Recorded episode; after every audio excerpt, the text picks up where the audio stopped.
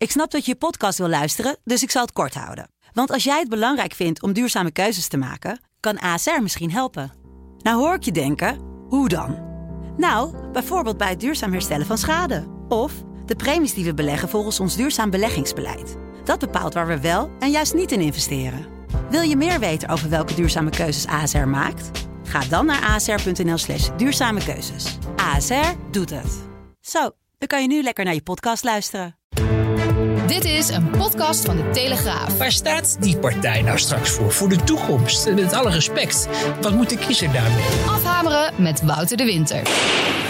De eerste aflevering van deze nieuwe podcast. Mijn naam is Kamran Oela, nieuwschef bij de Telegraaf en presentator van deze podcast. En op ruim anderhalve meter van mij onze politiek commentator Wouter de Winter, toch? Dat is wel Ja, anderhalf meter, denk Zeker. ik. hè? Ja, hier Gelukkig. wordt het wel goed gehandhaafd. Want je zit, ik zit ook wel in wat televisiestudio's. En dan denk je af en toe, ja, anderhalve meter uh, Amahula vooral. Ja, Maar dat denk ik is een man geweest die het heeft proberen in te schatten. ja, maar je, je, je zit dan toch ook altijd weer op een, op een je schuift een beetje. Je moet vooral dan met je, zit een klein, een klein pleistertje aan de tafel.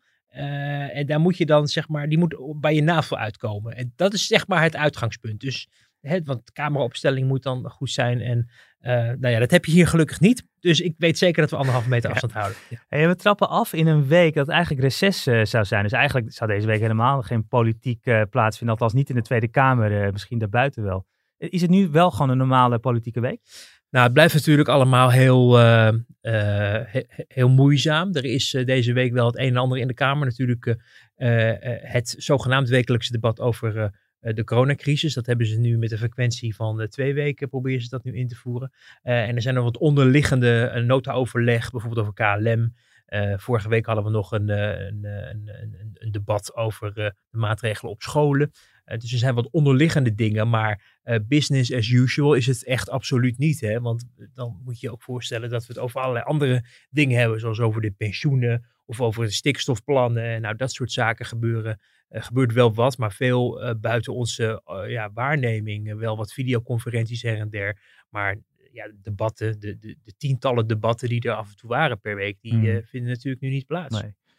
Wel dus nog wel het coronadebat. En vandaag ook, want we nemen het op op de woensdagochtend. Eh, Dus Mhm. het is nog voor de maatregelen die bekend worden. Dus we gaan het er straks ook wel even over, over hebben. En we gaan het ook hebben over het CDA. Maar laten we beginnen met uh, ja, reces of geen reces. Maar er is altijd wat uh, te beleven bij 50 plus. Ja. Uh, afgelopen week een hele hoop gebeurd. Het borrelde. De partijvoorzitter Dales moest weg. Uiteindelijk Henk Krol opgestapt. Uh, nieuwe partij opgericht, Partij voor de Toekomst, samen met uh, Femke Merel van Koten, die eerder bij Partij voor de Dieren zat. Uh, maar laten we eens vergeten, ja, je moet al lachen. Het is een bot gezelschap. We hadden eerst, we hadden eerst Roofvogel van Merel gemaakt, en dat Merel natuurlijk haar, haar, haar zetel van de Partij voor de Dieren had geroofd. Uh, maar nu is het ook wel een beetje een bonte vogel, of bonte vogels, zeg maar. Want het, is, het is wel een, een allegaatje aan het worden langzamerhand, ja. met al die afsplitsingen in de Tweede Kamer. Hoe verklaar je eigenlijk al dat gedoe continu binnen, binnen 50 plus? Het is een combinatie van, van meerdere dingen. Uh, in dit geval speelde uh, Geert Dales natuurlijk een rol. Uh, iemand die een uitgesproken mening heeft en daar, die ook niet zonder stoelen of banken stak. Um, ik heb ook wat, wat brieven van hem voorbij zien komen die hij dan naar Kamerleden of andere mensen in de partij stuurde. En dan zag je wel dat er heel veel emotie in zat. Uh, wat toch niet heel veel professionaliteit uh, doet vermoeden. Uh, aan de andere kant, Dales is er wel in geslaagd om bijna twee jaar lang de, de kikkers redelijk in de kruiwagen te houden. Mhm. De rust terug te brengen. We dachten ook wel van, nou ja, deze man, hij, hij, hij is wel misschien wat, wat flamboyant of, of onorthodox in zijn aanpak. maar het heeft wel effect. En dat ontplofte dan toch, omdat mensen in die partij dat allemaal ja, toch niet trokken. Hè? Dat ze toch het idee hadden dat, um, dat hij te dominant zou zijn. En in licht van de aanstaande verkiezingen um, maakte dat sommige mensen nerveus. Omdat ze dachten dat daarmee hun, hun, hun baantje uh, bij de partij of in de Tweede Kamer uh, ter discussie uh, zou komen te staan. Um, maar hier spelen nog meer dingen. Want Dales had ook wel een, een, een kader waar hij dan mee moest werken. Met inderdaad mensen waarvan je afvraagt, ja, wat hebben die eigenlijk ooit voor de mensheid betekend? Uh, maar ze hebben wel een positie. Um, en dat zijn dan bestuurders in provincies? Uh, ja, dat kan, dat kan een, een plaats, een lokale voorzitter zijn, of provinciale voorzitter. Uh, of iemand die de, daar de penningmeester is. Of iedereen die ook maar iets is waar een soort titeltje aan hangt. Die vond dat die belangrijk was. En Hm. liet zich dan ook gelden. En je zag dat daar ehm, ja, dat, dat steeds meer begon te schuren. En ook de rol van Jan Nagel had je natuurlijk. Iemand die erevoorzitter is, medeoprichter natuurlijk van 50PLUS. En uh, eigenlijk wel formeel geen functie meer heeft, maar wel als een soort spin in het web steeds overal bij betrokken bleek. Of, of zet, zetbazen had her en der. En hij zegt zelf van ik, ik bemoei me er allemaal nergens mee. Maar dat de, de top van de partij in zijn huis samenkomt om te overleggen over de toekomst van 50 plus. Mhm. Dat, dat zegt natuurlijk eh, wel wat. Dus je had dat. Uh, maar wat, dat is eigenlijk van de afgelopen weken en maanden. Maar wat, wat mij nu echt heel erg opviel uh, de afgelopen week was ook de positie van de fractie. Uh, en ook bijvoorbeeld van, van Henk Krol, die dus dubbel spel heeft gespeeld. Ja. Die eigenlijk al bezig was met het oprichten van een nieuwe partij. En die nu um, ja, daar dan ook de overstap van heeft gemaakt. En het ene moment nog zegt, ik ben heel goed met mijn collega-fractieleden van 50PLUS. En, en, de, en de volgende dag worden die mensen eigenlijk gewoon afgeserveerd en min of meer als minkukels weggezet. En is hij, heeft hij het hazenpad gekozen en gaat hij met Merel, uh, Femke Merel van Koten Arissen van de Dierenpartij een club beginnen. Ja, dat, is, dat dubbelspel is natuurlijk ook fascinerend, want er komt een officiële mededeling, eigenlijk twee in één. Ik stap op en ik heb een nieuwe partij. Een nieuwe partij even uit de grond stampen. Ja, Dat, dat, dat, heeft voorbereiding nodig. Ja, en, en dat heeft hij dus ook gedaan. Hè? Ook met het logo. En, maar goed, waar staat die partij eigenlijk over?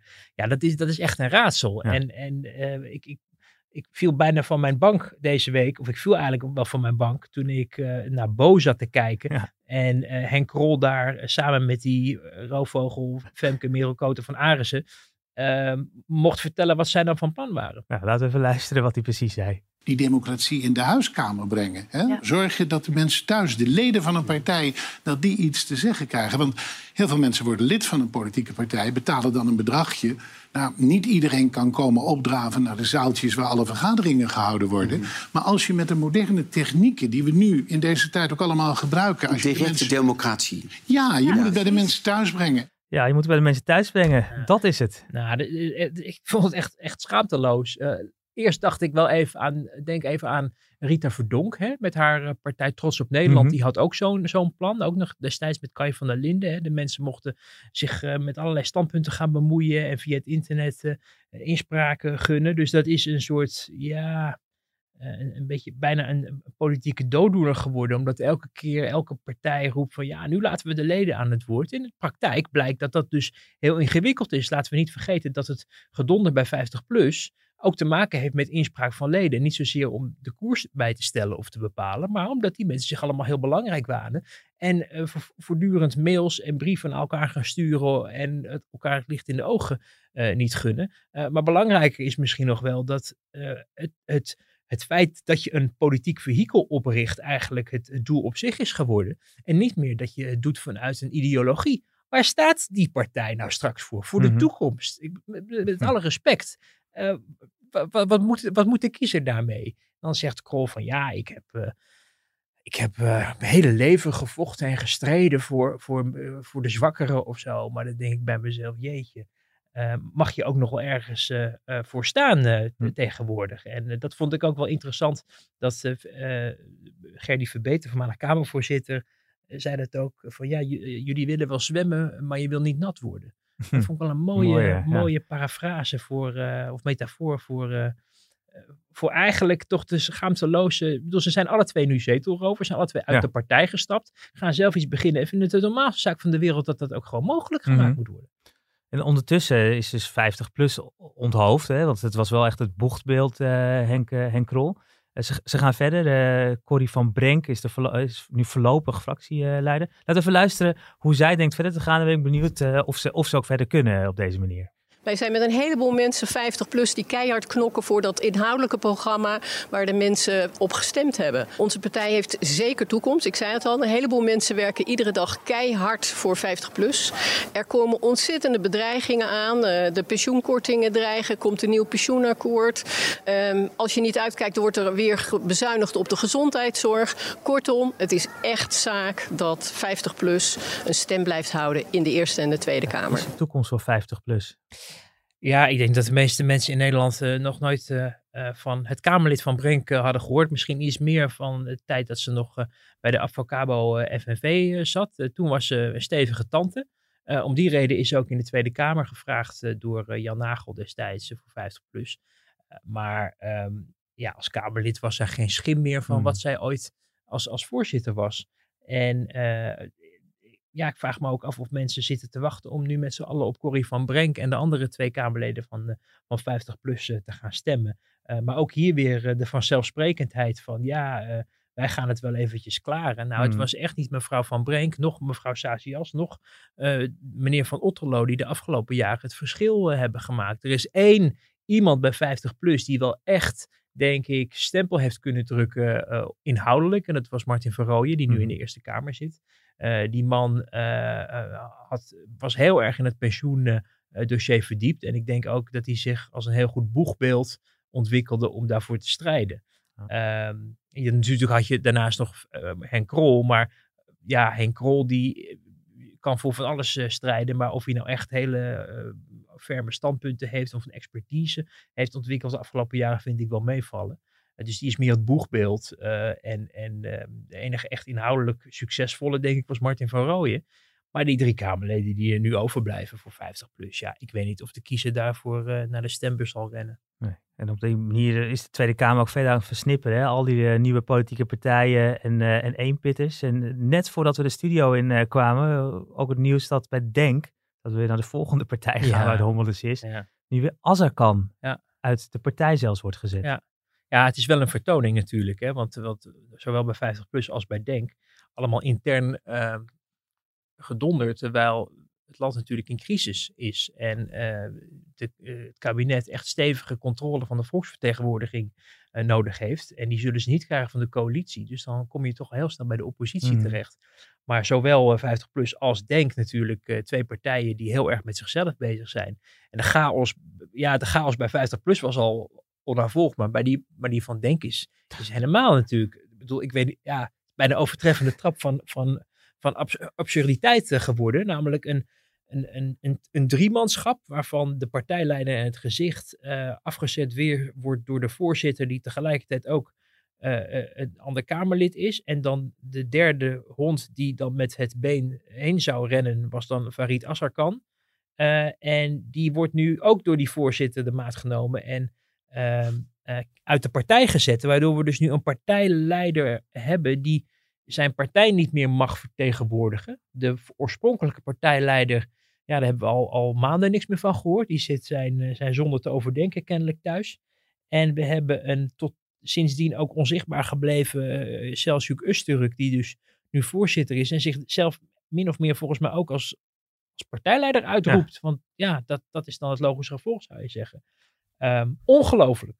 En um, uh, ja, volgens mij ook het begin van het einde. Of misschien zijn we al voorbij het begin. Mm. Maar gaan we steeds dichter bij het einde komen met die partij. Ja. Uh, dit zal ook nog, uh, ook nog juridisch gevolgen hebben. Want volgens mij was het van de week al het nieuws dat het bestuur nog maar twee mensen heeft. En dan is het bestuur mag niet eens besluiten nemen. Nou, als ik aan kennende is dit nog niet het laatste hoofdstuk van een hele rare. Nee, en, maar wie, is, wie vertegenwoordigt die partij dan ook? Hè? De, de, mhm. de, iedereen wil af van de voorzitter Usturk in die partij. Althans, veel mensen hebben daar een oproep toe gedaan. Uh, hij is nog steeds uh, bij machten omdat hij nog officieel nog voorzitter is. Gooit mensen uit de partij die hij zelf eerst um, ook had aangewezen als partijleider. Of daar stond, bij stond te applaudisseren. Uh, het gaat in ieder geval niet meer over de agenda van Denk in de Tweede Kamer. Vanuit de fractie van Denk. En ja, een grote, een grote ja, kat in de zak denk ik voor de kiezers van die partij. Die echt hoop hadden dat het migrantengeluid, waarvan sommige mensen vinden dat het onvoldoende over het voetlicht werd gebracht in de, in de Tweede Kamer. Nou ja, die mensen die daarop hoopten, die zien um, uh, ja, zich nu toch wel beduveld. Mm. Want ja, wat, wat is er nou nog eigenlijk van overgebleven? Toch weer drie, drie mannen die ook aan het vechten zijn om de macht met elkaar en ruzie maken met elkaar. ja, wat moeten we nog meer over zeggen? Een rommeltje. We gaan naar een ander onderwerp. Want uh, elke dinsdag heb jij in de Telegraaf een column. En deze week schrijf je over het CDA. Die worstelt nu met de samenwerking met Forum voor Democratie in Brabant. ik geloof dat het college nu ook echt rond is gekomen al daar. En, en, jij constateerde dat plots oud-minister Hirsch Balinder opeens weer tevoorschijn kwam. Ja, Je hebt, je hebt in, in Den Haag heb je bepaalde rituelen. Hè? Ruzie bij 50 plus eh, of bij een oudere partij is een van die dingen die we eigenlijk elke tien, eh, vijf of misschien wel elk jaar eh, tegenwoordig eh, meemaken. Je hebt de zaken als de regeringsverantwoordelijkheid van de Partij van de Arbeid, die altijd in een teleurstelling eindigt. Wat er ook gebeurt, kan je vergif op innemen dat dat huilen met de pet eh, op is na afloop. En ook een ritueel is het geweten bij het CDA dat zich of eigenlijk moet ik zeggen, het zelfbenoemde geweten. Van mensen die zeggen dat zij wel weten waar eh, wat juist is en wat kan en wat moet. En een groep mensen die wat pragmatischer in de wedstrijd zitten. En die pragmatici die hebben, trekken nu aan het eh, langste eind met de samenwerking eh, in Brabant eh, met Forum voor Democratie. Maar een, een eh, eh, man als eh, minister Heers-Ballin, eh, oud-minister Heers-Ballin van Mhm. Justitie, die heeft zich daar dus tegen uitgesproken samen met nog een groepje andere CDA-prominenten. Omdat die vinden dat omdat Thierry Baudet eh, dingen roept waar zij het niet mee eens zijn, dat betekent dat mensen in Brabant die eh, voor die partij werken niet kunnen of zouden moeten samenwerken met, met het CDA. En dat vloeit allemaal weer voort ook natuurlijk uit het feit dat in 2010 Heersballin uh, aan de bel trok samen met Klink en nog wat andere mensen van ga niet met de PVV in zee, want dat eindigt ook in tranen. Ja, nou, dat eindigt ook in tranen. Het was een befaamd congres toen, uh, ik geloof meen het in Arnhem was dat. Ja, ja. En daar sprak Heersballin ook in. Doe dit de mensen in ons land niet aan. Doe dit onze partij niet aan. Doe dit ons land niet aan. ons land niet aan, doet het onze partij niet aan. Ja. Waarom ligt het zo gevoelig bij het CDA? Wat is dat? Uh, nou, ik, ja, hier had hij ongetwijfeld natuurlijk wel gelijk gekregen achteraf. Uh, maar op dat moment stond het CDA uh, ook aan het vooravond van een moeilijke keuze. Hè. Die partij is eentje die graag verantwoordelijkheid wil dragen. En die ook graag wil regeren. En zich ook niet zo druk maakt op het moment dat ze de kans krijgen om te regeren. Wat dat vervolgens uh, ja, betekent voor, uh, ja, voor, voor de toekomst of voor de populariteit of de volgende verkiezingen. Omdat zij echt een opdracht zien om het land te besturen. Mm -hmm. Of de provincie te besturen of een stad te besturen als het even kan. Dus dat zit een beetje in, in, de, in de aard. Uh, het was toen natuurlijk een, een, een, ja, nieuwe, een nieuwe tijd. Hè. Paar, paars, uh, of wat, bal, de kabinetten Balkenende waren, waren afgestraft. Paars was alweer langer geleden natuurlijk. En um, uh, Nederland had massaal ook voor op de PVV gestemd. En uh, ja, die partij zat op rechts. En destijds vonden de partijen op rechts, VVD en CDA, dat ze een uitgelezen kans hadden om nu ook een rechtsregeerakkoord te maken met steun van de PVV in het gedoogakkoord. Nou ja, dat, dat, dat mislukte uiteindelijk op de bezuinigingen vanwege de, de crisis van toen. En ja, Heers Ballen die trekt een parallel tussen datgene wat, waar Wilders voor stond en voor staat. En datgene wat je nu door Forum uh, uh, geuit ziet worden. En uh, nou ja, wat, wat Thierry Baudet zegt en wat er allemaal achter de schermen daar gebeurt. Hè. Vorige week hadden we natuurlijk dat, ze, dat, dat die, die merkwaardige en eigenlijk walgelijke berichten in die appgroep van dat jongerenforum. Ja. ja, Heers Ballin die zegt gewoon niet aan beginnen. En dat klinkt natuurlijk heel sympathiek voor, voor een groep mensen. Want die zeggen mooi wegblijven van die club. Maar het gevolg daarvan zou zijn dat uh, die, het CDA eigenlijk overgeleverd is tot in de eeuwigheid aan, aan partijen als GroenLinks en D66. En daar hebben ze het afgelopen jaren mee uh, bestuurd in, in Brabant. En ja, die waren, waren, zoals ze bij het CDA zeiden, gewoon de partij een beetje aan het uitroken. Omdat mm -hmm. ze wisten dat de prijs zo hoog kon worden, omdat het CDA toch wel akkoord zou gaan. Ja. Want anders zou het college vallen. dus dat is uiteindelijk geknapt. En er zit heel veel weerzin uh, en, ook, en ook wel angst voor de kiezer, voor CDA, maar ook voor VVD in Brabant. Op het moment dat je uh, nu weer je door GroenLinks en D66 de wet laat voorschrijven. En um, met hen in zee blijft gaan. Terwijl je achterban, grote boeren, belangrijke boerenachterban in, in Brabant. Um, ja, het er niet mee eens is. En al liet zien dat ze in, ook naar Forum kunnen overstappen. Want dat hebben ze gedaan. Ja. En dat kan voor de Tweede Kamerverkiezingen natuurlijk ook desastreuze gevolgen uh, hebben. Dus uh, dat speelde uh, op de achtergrond mee. En ja, laten we wel wezen, waar gaat de provincie over? Hè? Die gaat natuurlijk niet over een heleboel dingen die Thierry Baudet voortdurend roept. Provincie gaat over de punctualiteit van de streekbus, de monumentenzorg en het uitdelen van vergunningen. Dus misschien dat de schade ook wel enigszins meevalt. De, ook de provincie moet bestuurd worden, maar ja, het, de keuze werd een beetje dat als het CDA weer over links zou gaan, dat ze dan hun kiezers echt helemaal zouden kwijtraken. Maar over een jaar zijn er wel landelijke verkiezingen. En dan zou het zomaar kunnen dat landelijk ook een rol gaat spelen, deze, deze discussie. Uh, de, nou, de twee kroonprinsen, volgens mij zelfs ook vaak worden genoemd. Wopke Hoekstra en Hugo de Jonge hebben het ongetwijfeld nu te druk met andere dingen. Maar weten we ook hoe zij in dit, in dit debat staan? Ja, ik noem ze altijd het kroonprinselijk paar, want, want ze, ze, houden elkaar toch heel erg goed vast en ze stemmen ook veel dingen af. Uh, we weten in ieder geval dat uh, Hugo de Jonge zich er wel tegen heeft uitgesproken. Ik denk ook dat Wopke Hoekstra uh, slim genoeg is en voldoende ja, wortels in, de, in het CDA heeft om aan te voelen dat landelijk samenwerken er echt niet in zit uh, met Forum voor Democratie. Uh, daar is gewoon echt te veel weerstand in die partij in. En in, uh, ik denk ook niet dat dat onder de huidige leiding van Forum, hè, het kan zijn dat op een gegeven moment natuurlijk een andere leider komt. Maar als Thierry Baudet er zit en je ziet wat daar de afgelopen jaren is gebeurd, wat hij allemaal heeft geroepen. De recente uitspraak dat het CDA uit zou zijn op de vernietiging van Nederland.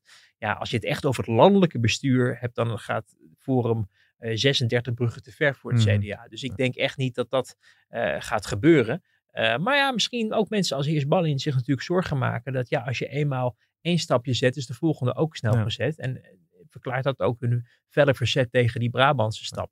Maar ik zie het in Den Haag, eh, zoals je er nu naar kijkt, eh, eh, anno 2020 eh, eh, in mei, eh, niet gebeuren dat CDA eh, landelijk met Forum in zee gaat. Nou, de gedeputeerde staten in Brabant worden later deze week eh, gepresenteerd. Hugo de Jonge, Wopke Hoekstra had het net al even over. Die zijn natuurlijk op dit moment heel druk met de, de crisis aan het managen in Den Haag. Eh, eh, vandaag komen weer, komt dat crisisteam van, van de ministers weer bijeen. Persconferentie daarna weer. Maar we weten al een aantal dingen die waarschijnlijk genoemd gaan worden. Hè? Ja, we hebben natuurlijk ook in, in de krant eh, eh, ons de afgelopen weken wel de vraag gesteld, eh, waar blijft het perspectief? Ja. De vorige keer, de vorige persconferentie was er eentje van, nou we blijven toch eigenlijk vooral op slot, zoals we dat kenden van de afgelopen weken. En enige versoepeling noemde men dat dan voor de scholen. Alleen die scholen, zo vond het kabinet, hadden nooit dicht gehoeven. Dus dan kan je ook afvragen in hoeverre er dan sprake is van een versoepeling. Ehm, maar goed, wat niet kan, kan niet. Hè? Als mensen ze elkaar gaan besmetten en de IC-beddencapaciteit is onvoldoende, dan kan je als kabinet natuurlijk ook niet met goed, ge- goed fatsoen zeggen van eh, we gooien de sluizen weer open. Ehm, alleen wat er in dit geval ehm, gebeurde is dat we ook helemaal niets hoorden die vorige keer van hoe gaan wij dan straks verder als het weer wel kan en kunnen we ons misschien ergens aan vasthouden de komen. eh, er komt straks de zomervakantie komt er weer aan. eh, mensen willen ook sporten eh, kan je als kabinet op een of andere manier niet contouren schetsen eh, of aan mensen vragen om mee te denken eh, om te kijken hoe ze straks eh, dat nieuwe normaal invulling kunnen Mhm. geven. En eh, gek genoeg gingen er wel geruchten over die protocollen hè, die dan werden opgesteld door het bedrijfsleven en door instituties om eh, straks in een anderhalve meter samenleving toch weer open te kunnen. Eh, maar daar is eigenlijk nooit officieel door gecommuniceerd, over gecommuniceerd door het kabinet. Wiebes heeft dat in het katshuis besproken met een aantal ministers. Eh, en die waren daar ook enthousiast over. Ook premier Rutte was er enthousiast over. Maar er is nooit een officieel communiqué over verschenen. Een brief, uitleg, een persconferentie of wat dan ook. Dus daardoor bleek het net alsof mensen eigenlijk eh, een beetje blij werden gemaakt met een dode mus. Mhm. Want je stelt, een minister laat zich wel wat ontvallen dat, hij met- dat dit moet komen. Waardoor de indruk werd gewekt dat als je een protocol hebt, dan kan je open. Maar Van Rutte even later zei, nee, dit is een misverstand. Want eh, zover is het nog niet. En daardoor had eigenlijk bijvoorbeeld een sector als de horeca eh, niets meer om zich aan vast te houden. En eh, dat signaal, of het uitblijven van dat signaal, leidde wel tot steeds meer commotie. Ik denk bij de, bij de bevolking, natuurlijk ook bij de horeca. Ondernemers die een beetje zelf invulling gingen geven Ja. aan de huidige regels. Hè? Een, een kroegbaas die alvast aankondigt dat hij open gaat. Een hotelketen die zegt van kom hier maar gezellig eten en drinken, maar boek Ja. wel even een kamer erbij. Ehm, en ja, dat is volgens mij wel een gemiste kans geweest. Dat je die geest niet toch in de fles had kunnen houden. Mhm. Want jij ziet het natuurlijk ook drukker worden op straat. Ja. Eh, dus het, het land wilde gewoon meer duidelijkheid over wat er straks gaat gebeuren. En nou ja, de persconferentie van eh, het kabinet zal. eh, eh, maar op het moment dat mensen dit horen, dan, dan weten ze dat al. Maar wij weten eigenlijk ook al wat er gezegd wordt. Ja. En een spoorboekje, een routekaart, een aantal stappen. Ik geloof vier, vier, vier fases ehm, eh, die beschreven worden. En hoe, waar we nu dan min of meer in de transitiefase zitten, waarin we ons aan het voorbereiden zijn op ja, een nieuwe werkelijkheid. Maar in ieder geval iets waar je je aan vast kan houden. Ja, en het, zodat we eigenlijk wat we in andere landen ook zien. Hè? Spanje heeft volgens mij al van verschillende fases en dat we perspectief hebben. En, en het perspectief waar die roep zo om is geweest. Dus. Ja, en nu is het natuurlijk wel zo dat in Spanje en, en ook in, in Frankrijk de regels wel veel strenger waren. Ja. Hè? Zij, zij schuiven eigenlijk meer op nu naar hoe wij het hebben. Hmm. Namelijk, wij hebben eigenlijk heel veel vrijheid. Ja, je kan niet naar de horeca. Eh, maar dingen als mondkapjes, met mondkapjes de straat op bijvoorbeeld. Of alleen met, uh, voor je boodschappen, met brieven in de hand. Dat de politie je aanhoudt, dat je kan zeggen wat je aan het doen bent. Ja. Uh, ja, dat, daar kunnen wij ons eigenlijk als Nederlanders niks bij voorstellen. maar ja, wij zien natuurlijk wel dat er wereld, nou niet wereldwijd, maar in de westerse wereld wel nu een trend gaande is van dat mensen er wel klaar mee zijn om opgesloten te zitten thuis. Je noemde net al die mondkapjes. We hebben eerder ook steeds RIVM gehoord uh, die, dan, die dan zegt, nee, mondkapjes moeten we, dat, dat is schijnveiligheid, geloof ik letterlijk uh, ja. door Jaap van Dissel gezegd. En nu zien we dat, dat, dat vliegen moet dan met mondkapje. Opa Vervoer heeft een roep tot mondkapjes. Ja, de, de koers uh, op, op het terrein van mondkapjes is nogal eens verlegd. Um, en ik heb toch wel de indruk dat dat ook komt door het feit dat er gewoon een groot tekort was. En dat men eigenlijk daarom ook zo lang en ook de vorige keer niet iets in het vooruitzicht wilde stellen, omdat men niet zeker wist of er voldoende materiaal was om aan enige versoepeling te denken. En dat men daardoor de vraag min of meer heeft geparkeerd. Je zag in het, in dat laatste OMT-advies dat uh, de OMT-leden, de medici, het er niet over eens waren hoe je, uh, hoe je dat precies zou kunnen doen met kappers en of het nou wel of niet zou helpen. En ik begrijp dat dat uh, nog steeds wel een punt van discussie is en ze er niet uitkomen. Uh, maar ja, zijn ze in het buitenland dan gek geworden? Vraag je je dan af. Hè? En ik denk het toch niet. Daar wonen ook veel verstandige mensen. En um, je ziet dus, wat je ja, helaas vaker ziet, is dat het RIVM um, ehm, en het OMT met adviezen en opvattingen komen. En vermoedens, want het is, ze geven ook zelf aan, we kunnen het eigenlijk wetenschappelijk niet onderbouwen, mm. maar we, we geven een educated guess uh, ja, zich ook ingehaald zien door de, de realiteit of door nieuwe inzichten. En aan de ene kant begrijp je dat, want het is ook allemaal onontgonnen terrein. Voor het kabinet, voor medici, voor de hele bevolking. Aan de andere kant, uh, ze zijn het ongeveer het enige, tot het enige ankerpunt verklaard door het kabinet. Dus op het moment dat ze eerst zeggen van het, het is niks. En later blijft er toch wel wat te zijn. Dan heb je wel zoiets van ja, waar hadden jullie toen eigenlijk over? Maar zou de Tweede Kamer daar niet veel steviger uh, het kabinet over aan de tand moeten voelen? Uh, nou ja, dat, ik, sommige partijen doen dat ook hoor. Je ziet wel dat, uh, dat uh, er partijen zijn als uh, bijvoorbeeld de PVV, die, die ehm, eerst ook heel erg om lockdown riepen. Terwijl het hele land, nou niet het hele land, maar veel politieke partijen dat allemaal overdreven vonden. Uiteindelijk gingen we toch naar een vorm van een lockdown, of een mhm. intelligente lockdown. Um, je ziet dat een partij als de Partij van de Arbeid nu uh, zegt van we moeten ons niet alleen maar uh, baseren op de adviezen uit het OMT, maar u moet ook andere mensen om zich heen verzamelen die u bijvoorbeeld over sociologische dingen kunnen of economische uh, belangen kunnen, kunnen wijzen. En de Kamer ging daar ook wel in mee, die verlangde dat ook wel van het kabinet, maar wat ik begrijp is dat Rutte er nog steeds niet op staat te springen. Hij heeft de vorige keer gezegd dat het een soort Poolse landdag wordt als je het OMT gaat uitbreiden met mm. allerlei andere experts het is volgens mij al een redelijke Poolse landdag. Als je ziet hoeveel mensen erin zitten. En dan ook nog eens het kabinet er, erbij. Uh, maar duidelijk is wel, uh, nu dat toch het kabinet de afgelopen weken, ja, vind ik en vinden ook veel partijen in de Kamer, onvoldoende heeft gekeken naar aspecten die niet medisch van aard waren. Men heeft gezondheidscrisis als het belangrijkste opgegeven. En uh, andere aspecten, bijvoorbeeld uh, de, economische aspecten, maar ook andere gezondheidsaspecten van mensen die vereenzamen of in verpleeghuizen uh, zitten, die verzorgd moeten worden, was geen materiaal voor. Kortom, de discussie heeft zich heel erg op de IC-bedden gefocust en daardoor zijn een heleboel andere belangen en problemen min of meer van de wagen gevallen. En je ziet het, dat daar vanuit de Kamer wel veel vragen over gesteld worden, maar uiteindelijk zie je dat de coalitie op dit punt ook niet echt doorpakt. Nee.